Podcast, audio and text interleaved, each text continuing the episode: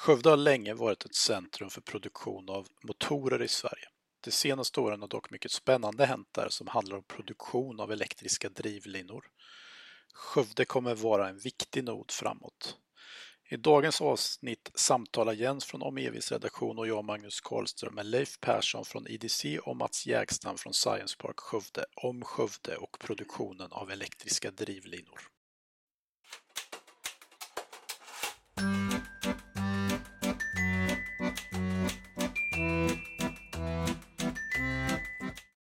Ja, Mats och Leif, presentera gärna era respektive organisationer. Vad säger du Leif? Du kanske kan börja? Ja, jag, kan, jag kan börja då.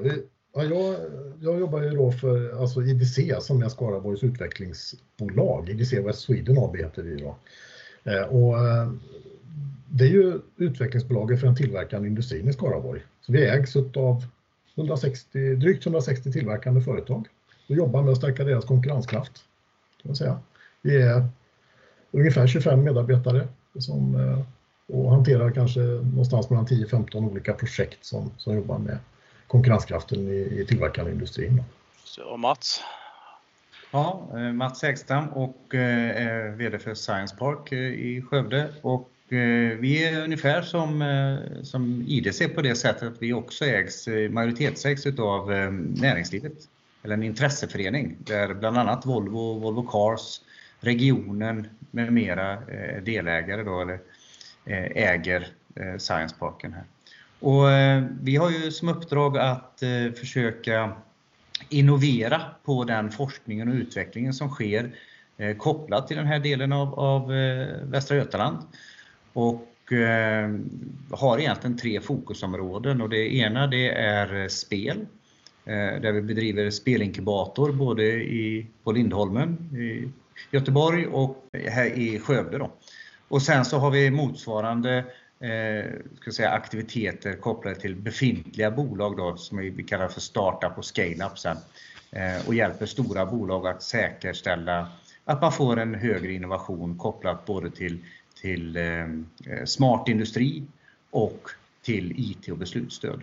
Innan vi går över där och pratar elmaskiner och allt spännande som händer med eldrivlinor så, så är det intressant att höra liksom Skövdes historia och starka bakgrund. Då. Så jag, ni har ju, den här staden har ju alltid varit väldigt känd för att producera förbränningsmotorer. Och varför hände det? Och liksom, är det någon som har bakgrunden, historiska bakgrunden? lite?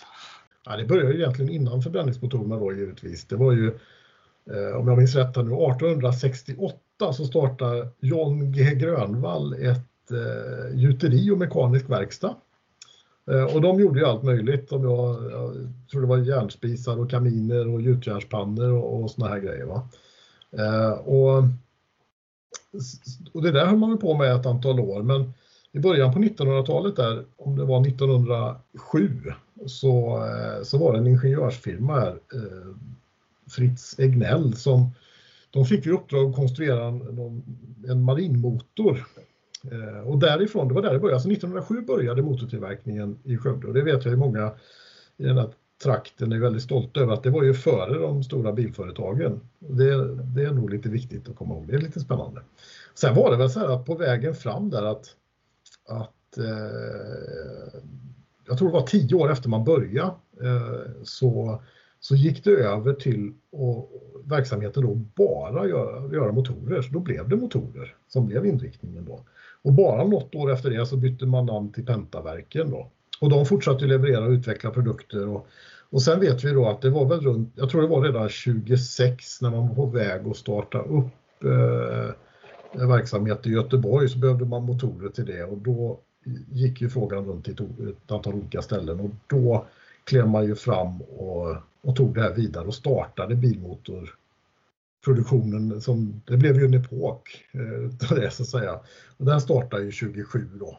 Eh, och sen har det fortsatt och jag vet, jag tror att det var någon gång eh, på 30-talet som Volvo förvärvade då eh, verksamheten fullt ut. Så jag tror man gick in eh, på vägen fram där och, och, tog över mer och mer. Och sen har det ju löpt på sedan dess. Jag vet vad du säger Mats, du kanske har någon annan, hört lite andra saker i frågan? Nej, det, det, det, stämmer nog ganska väl. Det, men, men det är som alltid det här, det är alltid någon, eh, eh, man brukar ibland säga, det är alltid någon annan som kanske har sagt nej också. Och. I det här fallet var det nog också så att det, den här frågan om att, att, tillverka de här motorerna och ha den här produktionen landade faktiskt eh, i några andra städer också. Men, men de sa att de inte ville ha den typen av, av industriproduktion. Och då, eh, då var man ganska snabb här i Skövde på att säga men, men vi är intresserade av att, att ska säga, utveckla och bygga det här. För, för man trodde att det skulle kunna bli en framtid, vilket det också blev. Så.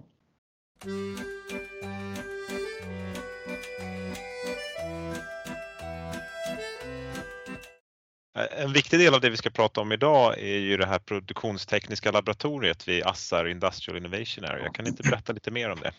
Ja, ja det, har ju, det har ju flera delar. Om man börjar med Assar Innovation, eh, Industrial Innovation Arena som det heter i, som helhet så är det ju väldigt många olika delar i det där, där faktiskt ett antal organisationer samverkar och, för att starta upp den och också med, med tanken att det skulle kunna byggas in i en eventuell satsning på elektromobilitet, vilket ju nu sker, eller har skett under de senaste åren. Och då, det är ju viktigt, då är högskolan med, Science Park är med, IDC är med och båda Volvobolagen är engagerade i att starta upp det. Och då är det ju en allmän produktionsteknisk miljö som är i den, idag i den öppna ytan. Det finns också slutna miljöer då där företagen har haft sina egna labb. Det finns idag en, en god möjlighet att, att eh, utveckla då de produktionsprocesser som, som krävs för för att producera bland annat elmaskiner då, Eh, och, och, och, göra det relativt komplett. Och den miljön byggs ju vidare nu med goda möjligheter och förutsättningar. Tack vare Västra Götalandsregionen nu så, så har vi fått eh, ett, ett eh, projekt med medel att investera i det labbet och bygga vidare det och det attraherar ju nu en mängd intressenter och olika företag inte bara hos de stora OEM utan också i försörjningskedjan som krävs in eh, för att åstadkomma en transformation. Då. Så att det är en jättespännande utveckling som, som vi har fått igång nu då, och, det har byggts en bra förmåga eh, där de olika processsteg som krävs eh, för att göra serieproduktion då, så det är den förmågan man, man bygger då. Nu. Och hela, hela tanken med, med labbet är ju att, säga, inte bara göra den här utvecklingen för det enskilda bolaget utan det är att, att, ha en öppenhet i det, att säkra att vi både gör den forskningen och utvecklingen eh, som det enskilda bolaget behöver men också det som behövs eh, ska säga, i, i, i hela konsortiet, då, precis som Leif säger, i hela värdekedjan. Då. Och i och med det så, så, går vi också in och säkrar, i de här labben så går vi också in och, och säkrar eh, ska säga, det livslånga lärandet den trainingen som behövs för den, att implementera de här nya teknologierna som vi, som vi ändå tar fram då gemensamt in i miljöerna. Mm. Eh, och det, det, är en viktig del i det, så det handlar inte bara om att det finns ett, ett labb där vi har en öppenhet och sitter och jobbar ihop, utan vi också säkerställer att vi, vi snabbt klarar av att implementera det här tillsammans. Då. Mm. Det är därför alla de här aktörerna är väsentliga i, för att få den största möjliga effekten utav det. Sen är, det, sen är det jätteroligt i den här miljön för då det sker en spridning till, utav kunskap även till, till andra områden. Så att om, om fordonsindustrin gör, eh, driver sin utveckling så sprider ju det, eh, ger ju det effekter i andra eh, företag och andra branscher också då, för, eftersom man samlas i, på samma plats och, och, och, gör saker tillsammans. Då. Och det kopplar ihop många olika organisationer i ett lärande. Då. Så att, eh, det tror jag, man ska inte glömma den biten heller. Så att, även om det finns då labb för, specifikt för en industrigren så gynnar det många andra också. Då. Det kommer hela bygden till gang kan man säga. Då. Ja, jag tror alltså Sverige för att det, ja. det, det som händer nu, alltså, nu finns det ju många olika satsningar på elektromobilitet runt om i landet, men, men här är det ju tydligt, här är det produktionsbiten för vissa, eh, vissa delar i, i, eh, i, en, i en större produkt. Då. Eh, och, och, och genom att och göra det här smart på olika delar av landet och inte, inte så att säga överlappande bitar i allt för stor omfattning utan komplettera varandra. Så bygger vi faktiskt kunskap för landet i de här olika noderna och det är en samverkan med många noder i landet som, som måste ske nu, tycker jag. Då. Mm. Och som, som har startat via de här olika satsningarna för att nu, nu blir det, det blir helt nödvändigt att vi jobbar ihop i Sverige för vi, vi är inte större än så. Mm. Du nämnde det lite kort där Leif, ett projekt. Är det det här nästa generations drivlineprojekt du pratar om? Då? Ja, det finns, ju, ja. det finns ju en mängd projekt. Jag kan säga att det pågår ju flera parallella projekt där, Alltså, det projekt jag nämnde det är, nog, det är nog snarare Västra Götalandsregionen som gått in med, med investeringsmedel för att vi ska kunna bygga vidare på, på en labbverksamhet i, i den här miljön. Då. Men okay. Nästa generations drivlinjeproduktion är ju jätteroligt. Vi fick ju ett positivt besked från, från Vinnova i, eh, i fredags eh, faktiskt om att vi får fortsätta det tredje steget i ett projekt som har pågått i, i eh, några år redan då. Och nu får vi förtroendet att fortsätta det och eh, det är ett ganska stort projekt. Bidraget från Vinnova är väl ungefär 18 miljoner men totala omslutningen i projektet ligger över 50 miljoner där alla parter går in med väldigt mycket och, och industrin satsar stenhårt på att kunna samverka. Och det ger oss möjligheten att bygga vidare en, en kunskapsnod då kring de frågorna som, som, eh, som vi kan bidra med och, och har redan börjat att bygga en, en god kunskap kring. Då. Eh, så att vi är oerhört tacksamma till, till att vi fick det projektet i kombination med de andra. Då. Sen är det en, en mängd småprojekt som supportar detta, också mindre projekt då, som, eh, som bygger kompetens och som eh, tar specifika teknikområden och annat vidare. Då, så att, eh, det byggs en helhet av flera projektinitiativ. Då.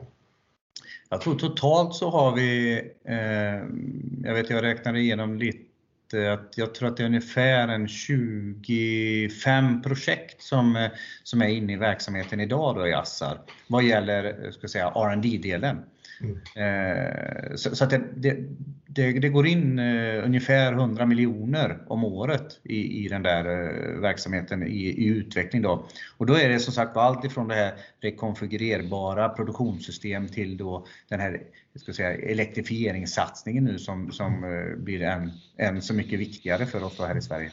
Och sen är det ju aspekter på digitalisering och automation kopplat till de här områdena givetvis då till industrin eh, lokalt också bygga ett lärande på de bitarna. Så att, eh, det är klart att det, det är både EU-medel, regionala medel och annat som går in i totalt sett i miljön och, och bygger en, en god förmåga nu då. Skövde är ju väldigt speciellt i Sverige, men det kanske finns andra liknande regioner i Europa som jobbar med den här transformeringen till det nya då. Och då undrar jag lite hur, hur, hur ser ni på omvärldsanalysen på vad de gör om man säger i relation till vad ni gör? Ja, man kan, det finns ju några ställen som, där det finns ofantliga satsningar. Alltså vi tittar hela tyska initiativet som ju började för ett antal år sedan med, med där, vad heter det, den här mobilitetssatsningen, mm. elektromobilitetssatsningen i, i Tyskland. Det är ju enorma summor som går in. Jag vågar inte ens gissa på hur mycket de stoppar in. Då. Det finns ju, kan ju säkert ni bättre än oss. Det där är ju en, en, stor satsning. Sen har vi ju också varit och tittat lite på vad man gör i England. Runt Warwick så byggs det ju ett, eller har ju byggts ett jättecenter för den här typen av utveckling. Så de, de är ju på en, på en helt annan nivå eh, om man tittar då i Europa. Och sen vet vi ju eh, Kina gör ju jättesatsningar på detta. Eh, så att eh, det finns ju en internationell konkurrens eh, som är väldigt kvalificerad kan vi ju säga då. Men, det, men, det, finns ju en sak i det här som, som är, väsentligt och det, det, är lite det som, som vi har resonerat kopplat till den här noden. Och, och eh, det är att, att ge, genom att vara varandra ganska nära så, eh, genom att säkerställa att vi, vi, vi spelar så öppet vi kan i det här eh, samarbetet, eh, så, så, förväntar vi oss faktiskt att få en, en, en effekt, eh, väldigt, eh, ja, en, en, kraftfull effekt och, och få den ganska snabbt också. Och det, det, det, vet vi att det har vissa av de här noderna eh, internationellt lite svårare för faktiskt. Eh, dels för att de som organisationer driver sig själva mer framåt, men också att, att de har ska säga, en tradition på att inte samverka så väldigt eh, tydligt som vi gör här i, här i Sverige nu. Och, och, det finns nog en anledning till varför, varför eh, ska säga, Volvo, Volvo Cars med flera eh, säger att de vill att, att det ska liksom ändå vara kvar här. Det är för att de får ett mervärde och de vet att det eh, resultaten som kommer komma ur en sån här satsning och en sån här nod eh, kommer, de, ja, kommer de dra mycket nytta av helt enkelt. Och den hade de inte fått om de, om de hade lagt den någon annanstans. Eh, för att, så, att, så att det är klart att, eh, eh, och det, det, tycker jag är ett ganska bra bevis på det här med att, att vi, trots att vi är ganska små, att, att man vågar ska säga, investera i de här nya teknologierna här i Sverige. Men, men det är ju för att vi klarar av att samverka. Och det, den, den, är viktig för oss. Jag tycker jag var tydlig. Vi hade ju alltså kick-off för det här UDI-projektet som vi nämnde nyss i, igår. Och det märks verkligen att nu är det ju en mängd företag som är med i det, men alla bjuder verkligen till och, och, och vill samverka. Och då, och då är det ju runt sånt som, som, som, är, som kan vara gemensamma delar i, i detta. Då. Alltså att, Eh, där man kan samla sin miljö. Och sen så är det givetvis så att det kommer att och vara så att eh, eh, en del bolags utveckling måste ske innanför en stängd dörr med det bolaget och så vidare. Men, men, men med hjälp av organisationer runt omkring eh, på olika sätt. Då, där vi kopplar ihop forskare med respektive företag och vi kan hitta vägar där, där leverantörsstruktur, eh, där, där det finns en matchmaking mellan olika bolag så att de kan börja jobba ihop och sen, sen behöver ingen lägga sig i vad de gör eh, internt. Va? Men det finns ändå den där möjligheten att hitta de här snabba eh, kontaktvägarna i Sverige. Då.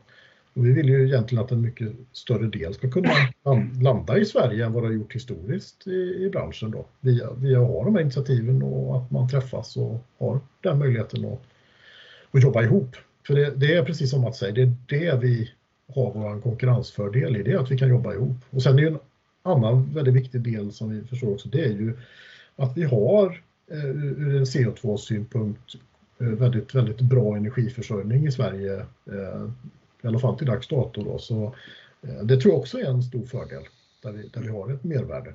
Om man ser Skövde som en elektromobilitetshubb då, att ni jobbar mycket med produktion då på de nya framtidens drivlinor, så finns det ju en annan stad då i Sverige som också är väldigt aktiv då i samband med den här väldigt speciella saken med lokalisering av Northvolt då i Skellefteå.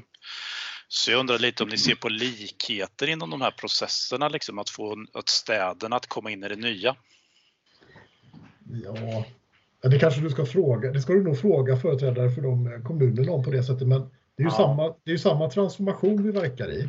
Ja. Men eh, här finns ju den befintliga industrin som, som be, behöver ställa om. Eh, mm. och, och, till skillnad från en, en kanske nysatsning i någon form. Det, kanske inte riktigt samma processer men eh, men det vi kan säga också i, det här, och det, det är väl än en gång eh, lite det vi, vi, vi pratar om att eh, Alltså det, det, är otroligt fantastiskt kul att man lyckades så bra i Skellefteå med den här och, och att den här batterifabriken verkligen lades här i Sverige. Då. Eh, och, och, och, just när vi ser systemen av system så, eh, så kommer vi få en, en eh, en, en än större ska säga, konkurrenskraft och, och konkurrensfördel genom att vi faktiskt är, har ska säga, både den här produktionen av elmotorer i en framtid och den typen av powertrain och vi, vi kanske har batterikapaciteten och det också. Va? Mm. Eh, så, så det här är, det, det, är en stor fördel för, för Sverige. Och, och jag tror att eh, Eh, eller, eller jag vet att, att just i de här fallen så då är det liksom AB Sverige som, som, som mm. gäller och det är otroligt värdefullt att, eh, att vi får de här gemensamma satsningarna. Så, att, eh, så precis som Leif säger, vi, vi kommer kunna ha en stor nytta av varandra i en framtid. Så. Och det är ju så, vi, vi företräder givetvis två organisationer som så vi har ju regionala uppdrag, men i det här för att våra regionala delar ska fungera så är vi helt beroende av att det händer rätt saker i Sverige och i landet. Och vi, hjälp, vi hjälper gärna andra att det händer rätt saker också. Det är ju så när vi bygger, om, om vi är med och tittar på möjliga leverantörsstrukturer och annat i detta så är det klart att, att det är viktigt att vi får till det nationellt. Eh, för att det ger, det ger en bättre affär för för det, det företag där, där produkterna landar och som, hos en OEM så, så blir det ju en mycket bättre försörjningskedja, CO2-synpunkt till exempel, transportsynpunkt, logistik och annat då, alltså om, det, om det ligger nära. Så den här närkopplade försörjningskedjan i landet tror jag är jätteviktig. Och vi måste bygga kunskapen gemensamt också, gemensamt när vi gör det. Lite på samma tema då på ett sätt. Det är ofta fokus på OEM, men hur tror ni att leverantörskedjorna kommer förändras här kring e-mobilitet eller elmaskinerna? Jag antar att det finns en stor leverantörskedja både lokalt i Skövde och övriga Sverige och övriga Europa såklart, men vad, vad ser ni där?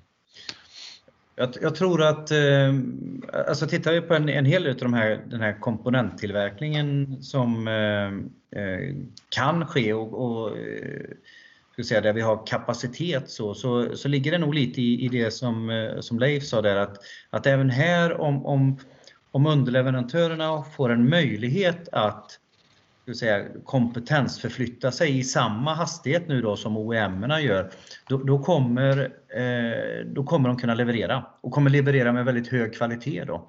Eh, för att förmågan eh, finns faktiskt redan då.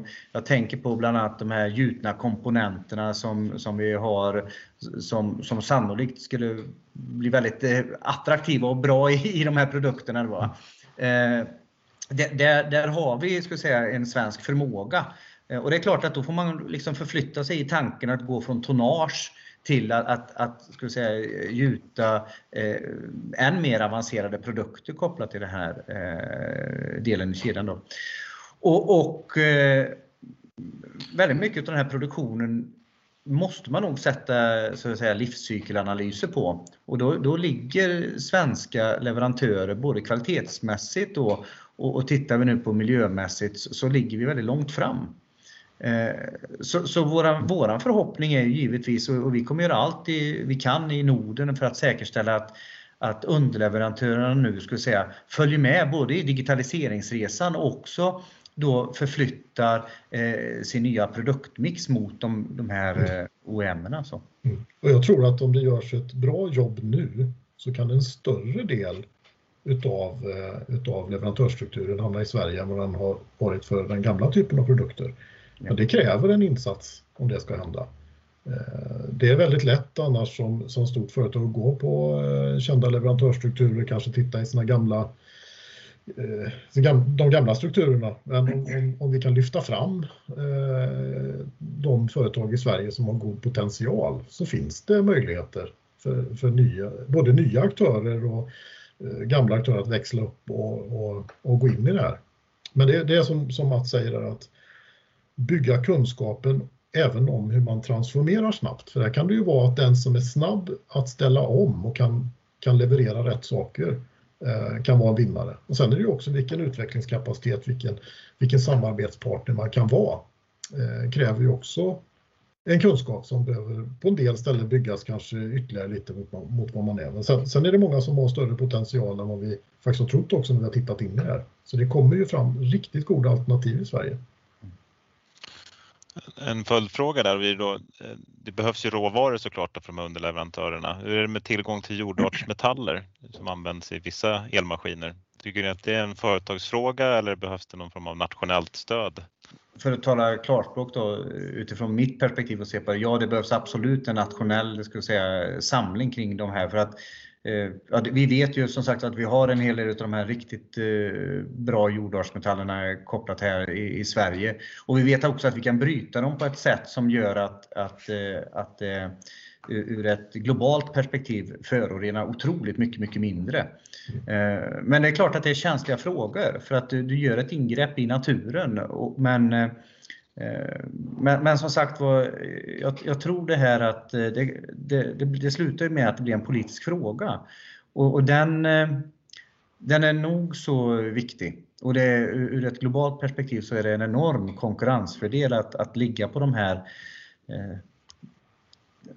de, de här ska säga, värdefulla metallerna som vi faktiskt kommer behöva i en framtid också, troligtvis. Men som Leif säger så är det, man, man gör allt för att försöka jobba bort eh, de eh, behoven också men, men det kommer nog eh, kanske inte gå jättefort. Jag tänkte vi skulle gå över och kolla lite framtid och liksom, eh, framtidsambitioner. Då. då tänker jag, hur ser ni då utifrån era organisationers intresse och liksom vad ni tror är rimligt? Hur stor del av det värdekedjan runt eldrivlinjer kommer finnas i Skövde med omnejd på sikt? Om vi tar så här 5, 10, 20 år framåt. Jag, skulle nog inte, alltså även om vi verkar för, för en region så skulle jag inte vilja säga just en specifik stad utan jag skulle faktiskt ja, vilja titta på vad vi kan ha i Sverige. Jag tror att det är ja, den viktiga frågan. Och sen, sen vill, vill ju vi jobba för att en stor del hamnar i vår omgivning här då. Men mm. eh, vårt mål är ju att ha en betydligt större andel utav produktionen i Sverige än vad det har varit för, för de produkter som har, som har funnits fram till, producerats fram tills idag. Då.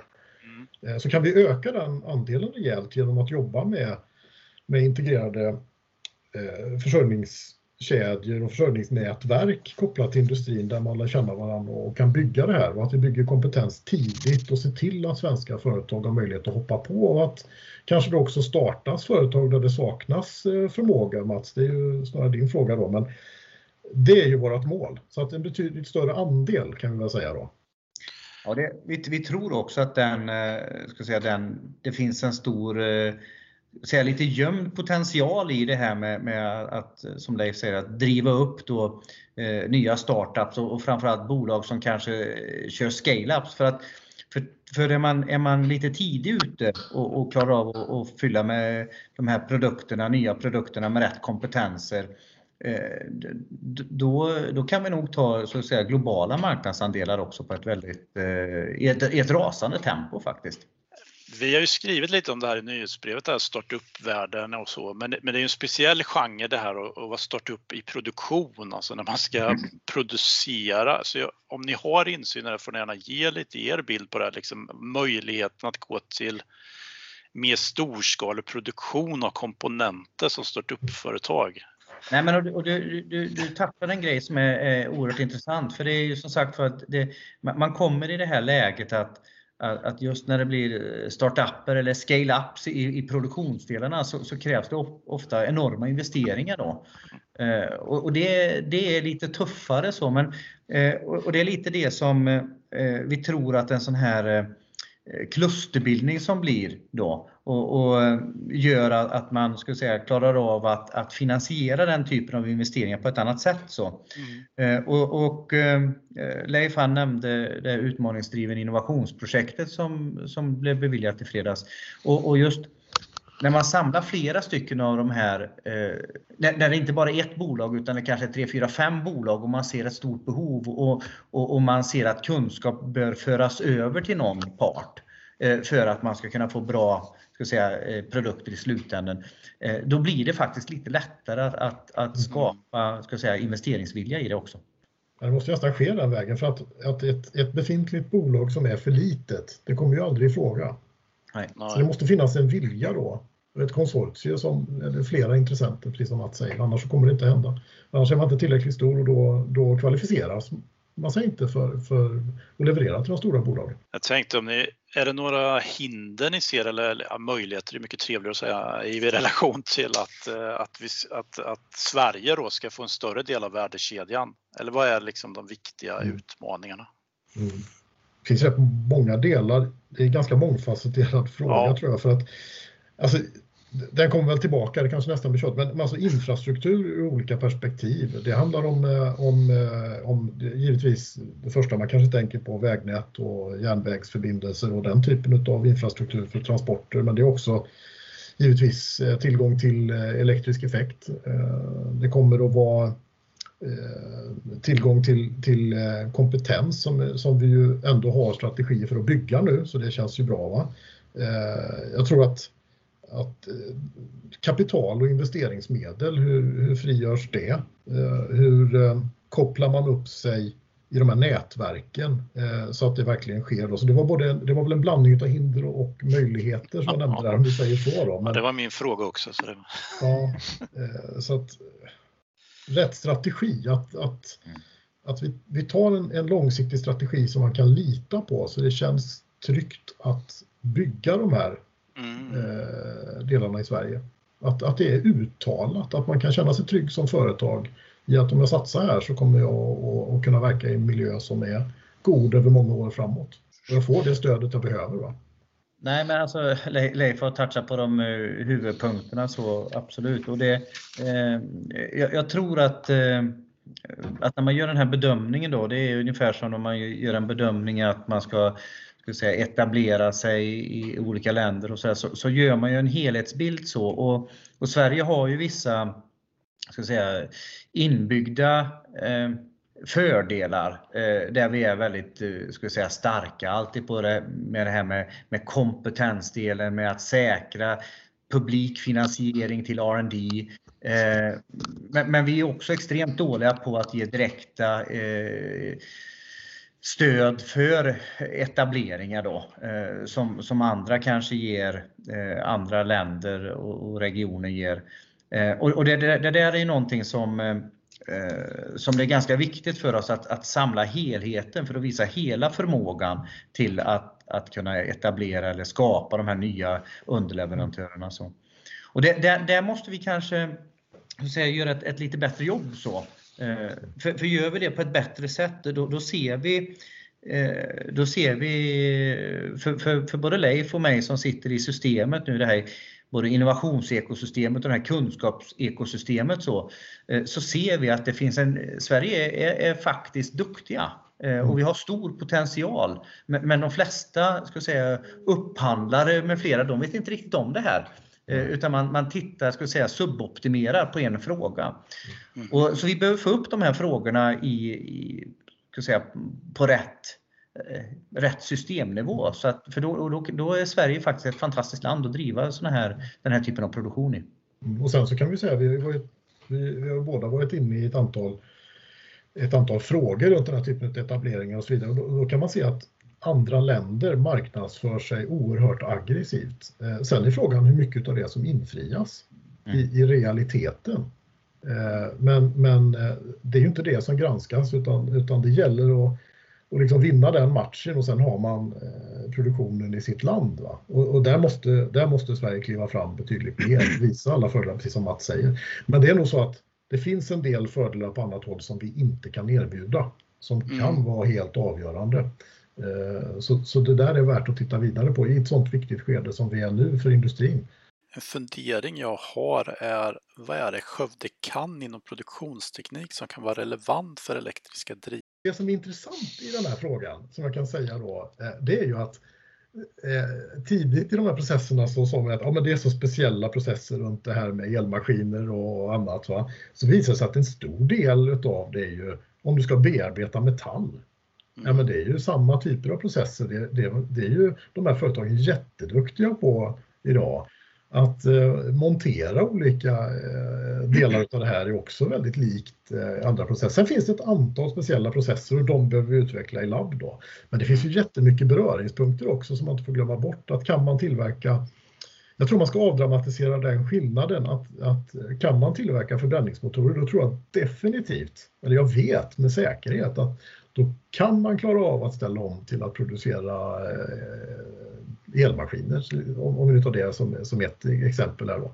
Och att göra det, det bygger på väldigt mycket processkunskap i grunden och den går att överföra, men man måste lära sig de nya processerna givetvis i, i, så, och, och kunna göra det snabbt och det är egentligen där vi försöker hjälpa till nu. Då.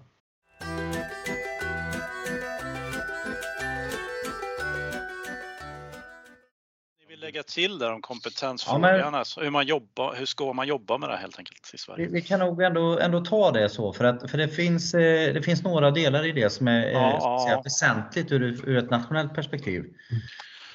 Um, och, och tittar vi på det här med, med, med, kompetensbehoven kopplat till den här ska säga, produktionen och e-mobiliteten och, och egentligen den digitaliseringen som också sker nu så, så kan vi säga det lite att, att vi, vi, vi måste måste säkra att vi nationellt blir lite snabbare på att få kunskapen ut i, i ska säga, ut i, i, effektivitet och ut i, i bland företagen. Och, och eh, det som är, är, är, positivt i det här, det här har identifierats utav, utav staten också, så, men, men, men högskolor och universitet måste faktiskt eh, kliva fram lite eh, på, på den sidan för att säkerställa att, att de kompetenserna eh, går lite snabbare. Jag brukar säga det att, att om vi tar AI-delarna så, så för, för 5-10 år sedan så var det inte jättemånga eh, ska säga, civilingenjörer eller ingenjörer som, som hade möjligheten att få lära sig om AI eh, kopplat till, till produktionsområdet eller AI överhuvudtaget. Och, och Tittar vi idag så finns det inbyggt i en del av utbildningarna här i Sverige, men tittar vi på hur många ingenjörer som behöver använda de verktygen inom de närmsta fem åren så är det liksom 80-90 procent. Eh, och då, då sitter vi i ett läge där, där vi, liksom, vi kan inte ha tröga system på det sättet. Eh, nu har eh, KK-stiftelsen gått in med ett sånt här program som då stöttar det de kallar för expertkompetens Eh, för innovation då, där, där, eh, där även den här noden har fått eh, ska säga, eh, resurser för att utveckla kurser för eh, industrin för att säkerställa att vi kortar den här ledtiden. Då. Och eh, vi behöver, dels måste företagen våga kompetensutveckla sin personal, men vi måste också säkra att, att kompetenserna kommer ut på ett bra sätt. Då. Mm. Eh, och det där skulle man faktiskt på ett nationellt sätt kunna eh, göra lite bättre. Ehm, eh, nu är det inte alla universitet utav de äldre universiteten som har, har ska säga, fått den förmågan på samma sätt som de yngre universiteten och högskolorna har. Och det är någonting ur ett nationellt perspektiv som, som vi tror ganska mycket på att, att att det behöver ska säga, slipas upp lite och vi ser den här noden som ett, ett bra exempel på hur man kan göra detta snabbt. Då. Mm. Eh, men det krävs att, att ska säga, företag som, eh, som Leif då, som representerar en mängd bolag, att de diskuterar frågan med för att säkerställa att företagen verkligen är villiga att ta emot och investera i, i och lägga tiden på att kompetensutveckla. Och vi måste säkra att vi har leverantörer då, som klarar av, högskola, universitet med flera, som klarar av att leverera in i den här kedjan. För det här det kommer sannolikt vara nyckeln för hela Sverige. Och där har vi ju faktiskt, eh, där, där kopplar vi upp nätverk och även projekt som jobbar med det, det vi skulle kunna kalla strategisk kompetensplanering. Eh, ja. Där vi tittar på vad, behövs, vad behövs det i industrin. Och I den så ingår givetvis vad det är, hur, hur, det planeras eh, utbildningsinsatser lo, lokalt, regionalt. Men i det så är det en väldigt viktig del att koppla upp högskolor, universitet, eh, institut nationellt och i några fall även internationellt för att vi ska få rätt kunskap till en nod. Och det tror jag att vi ska dela det arbetet mellan, mellan de noder som jobbar med den här, den här utvecklingen och transformationen nu då. Mm. Så var och en bygger sin, sin lokala regionala förmåga utifrån det behovet men sen samverkar vi nationellt och internationellt för att och, och, och ta de kliv vi behöver göra helt enkelt. Mm. Jag tänkte om man tar perspektiv från universitet och högskolor då, vad är det ni, man konkretiserar det, är att man ska ha liksom kortare kurser som är närmare implementering, är det, är det så man ska tolka ja. det? Eller? Korta kurser som är anpassade för att läsa under tiden man arbetar. Ja, det. Ehm, och det, det, får gärna vara på liksom avancerad nivå för att det är ju det vi pratar om här. Det är att, mm, eh, att civilingenjörerna de senaste 20 åren behöver göra en touch-up helt enkelt. Mm. Mm. Och, och, och, det finns som sagt var några exempel här nu i Sverige som, som jag vet att bland annat KK-stiftelsen har finansierat och som är oerhört eh, positivt eh, säga, gehör på det. Eh, men, men, vi behöver liksom få det till att bli i stort sett en nationell strategi. Mm. För, för, för de som vinner, det är de som klarar av att göra detta snabbt. Det är mm. inte de som klarar av att och ska säga, få in saker och ting tio år efter någon annan. Så. Mm. Och där, där har du ju alltså att, att titta på hur, hur, eh, den här till exempel tyska strategin att ta ett helhetsgrepp, hela samhällsgreppet runt den här transformationen från gruva till slutkund till hur man använder produkterna i samhället. Det är ju faktiskt det som krävs, tror jag, och bygga hela det och bygga det kunskapsmässigt då. Och det, det är ju inte gjort eh, utav en aktör, det inser man ju då när man ser hur stort det här är, utan det måste vara en nationell strategi. Mm. Mm. Ja, mycket bra. Men eh, tack så jättemycket för att ni var med i dagens podd.